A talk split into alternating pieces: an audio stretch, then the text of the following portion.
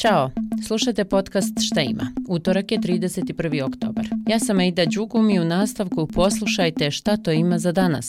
1, 2, 3, 4 zasjeda predstavnički dom parlamenta BiH i na dnevnom redu planirano je davanje saglasnosti za ratifikaciju sporazuma o priznanju stručnih kvalifikacija i to za doktora medicine, stomatologe i arhitekte u kontekstu centralno-evropskog sporazuma o slobodnoj trgovini, kao i za ratifikaciju sporazuma o priznanju visokoškolskih kvalifikacija na Zapadnom Balkanu. To su šefovi vlada šest ekonomije Zapadnog Balkana početkom novembra prošle godine potpisali i i to u okviru samita Berlinskog procesa.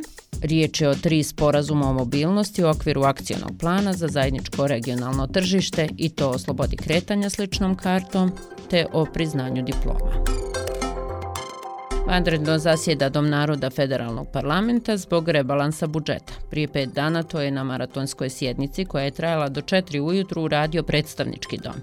Rebalansirani ovogodišnji budžet federacije veći je za 211,7 miliona konvertibilnih maraka ili 3,1% u odnosu na sadašnji budžet. Federalni ministar financije Toni Kraljević nakon utvrđivanja budžeta je objasnio. Izvaredno usklađivanje mirovina u iznosu 3,9%, što je nedostajućih 69,6 miliona kako bi se uredno isplatile mirovine za prosinac dakle, izmene dopune zakona o osnovama socijalne zaštite, zaštite civilnih žrtava rata i zaštite obitelji s djecom, nedostajući 67 miliona, da bi se isplatile neratne invalidnine za 10., 11. i 12. mjesec. Podsjetit ću isto tako na zakon o podršci obitelji s djecom, gdje je uvećano 15,6 miliona e, što se tiče stavke dječjeg doplatka, I još jedna bitna informacija, opet ćete se svi zajedno sjetiti, da je sa pozicije službe za zajedničke opće poslove prilikom prvih onih izmjena i dopuna proračuna skinuto 2 miliona. Ta 2 miliona su trebala ići za fond solidarnosti. Kako je rebalans povučen iz parlamentarne procedure, onda smo za djecu oboljeli od cistične fibroze radili pre raspodjele kako bi sredstva došla za Federalnom zavodu zdravstvenog osiguranja i reosiguranja.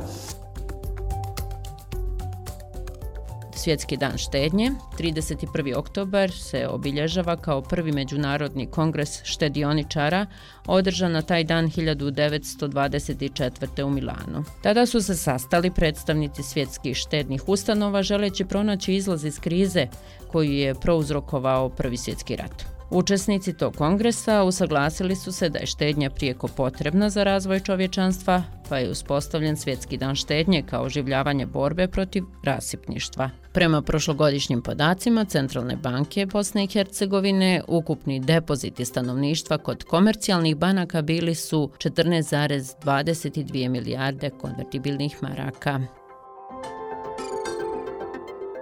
U Sarajevu će svečano biti potpisani ugovori o dodjeli bespovratnih sredstava vlade Japana i to za opremanje domova zdravlja u oba BH entiteta. Za tri projekta izdvojeno je više od 300.000 maraka. Prema ovim projektima, domovi zdravlja u Bijeljini i Novom Travniku bit će opremljeni sa po jednim vozilom hitne pomoći, dok će sredstva za dom zdravlja u Lukavcu biti osigurana za nabavku medicinske opreme i renoviranje rehabilitacijonog odjeljenja. Halloween ili Noć vještica posljednjih godina sve je popularniji i u Bosni i Hercegovini, a jeziva atmosfera se proteklih godina najviše mogla osjetiti na ulicama glavnog grada. Nadam se da ćete i vi večeras uživati, a ja odoh potražiti još metlu kako bih kompletirala kostim za večeras. Pozdrav!